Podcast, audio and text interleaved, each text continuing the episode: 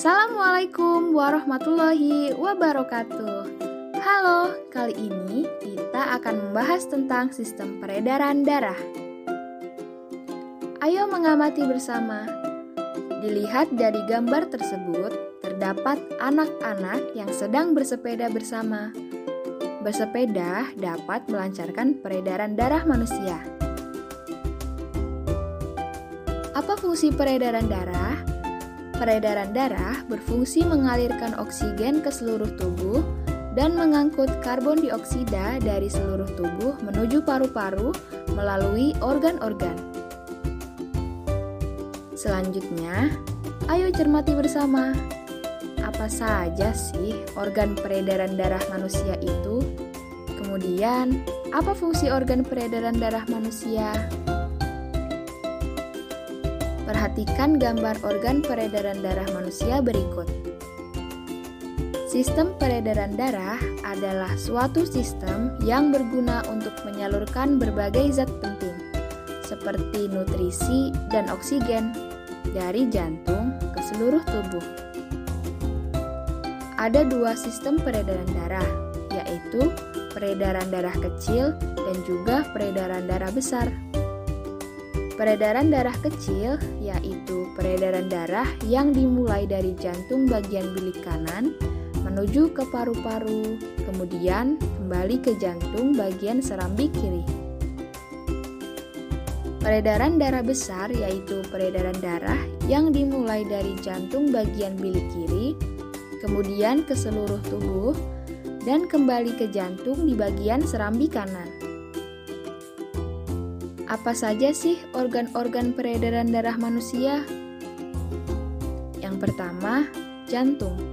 Jantung terletak di dalam rongga dada sebelah kiri dan ukurannya kira-kira sebesar kepalan tangan pemiliknya. Jantung berfungsi memompa darah ke seluruh tubuh.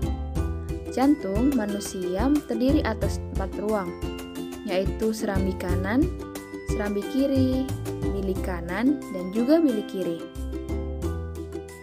Ada juga bagian kantup jantung, yaitu merupakan sekat antara jantung bagian kiri dan kanan yang berfungsi mencegah bercampurnya darah yang bersih dan juga darah yang kotor.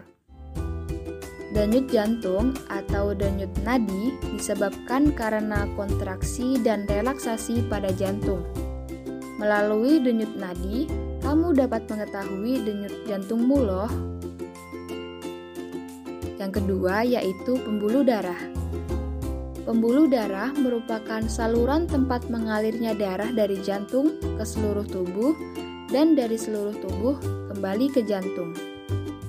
Terdapat dua pembuluh darah, yaitu pembuluh nadi atau arteri dan pembuluh balik atau vena. Pembuluh nadi atau arteri adalah pembuluh yang membawa darah yang kaya akan oksigen keluar dari jantung ke seluruh tubuh. Pembuluh balik atau vena adalah pembuluh darah yang membawa darah yang kaya akan karbon dioksida dari seluruh tubuh menuju jantung. Pembuluh kapiler adalah ujung cabang pembuluh terkecil yang sangat halus, berdinding tipis, dan juga berpori. Yang ketiga yaitu paru-paru. Paru-paru berperan sebagai penyuplai oksigen ke dalam darah. Mekanismenya, darah yang telah diedarkan ke seluruh tubuh banyak mengandung karbon dioksida. Setelah kembali ke jantung, darah dipompa ke dalam paru-paru. Selanjutnya, karbon dioksida diambil dan diganti dengan oksigen melalui proses pernapasan. Alveolus adalah kantong udara yang terdapat pada ujung cabang paru-paru yang memiliki jaringan halus kapiler sebagai tempat terjadinya pertukaran oksigen dan karbon dioksida. Apa sih fungsi dari organ-organ tersebut? Vena pulmonalis membawa darah yang banyak mengandung oksigen dari paru-paru ke jantung. Serambi kanan berfungsi menerima darah kotor atau darah kaya karbon dioksida dari seluruh tubuh. Bilik kanan memompa darah kotor atau darah kaya karbon dioksida dari jantung ke paru-paru. Arteri pulmonalis mengalirkan darah yang banyak mengandung karbon dioksida dari jantung ke paru-paru. Paru-paru berfungsi sebagai penyuplai oksigen ke dalam darah. Serambi kiri berfungsi menerima darah bersih atau darah kaya oksigen dari paru-paru. Bilik kiri memompa darah bersih darah, ka darah kaya oksigen dari jantung ke seluruh tubuh.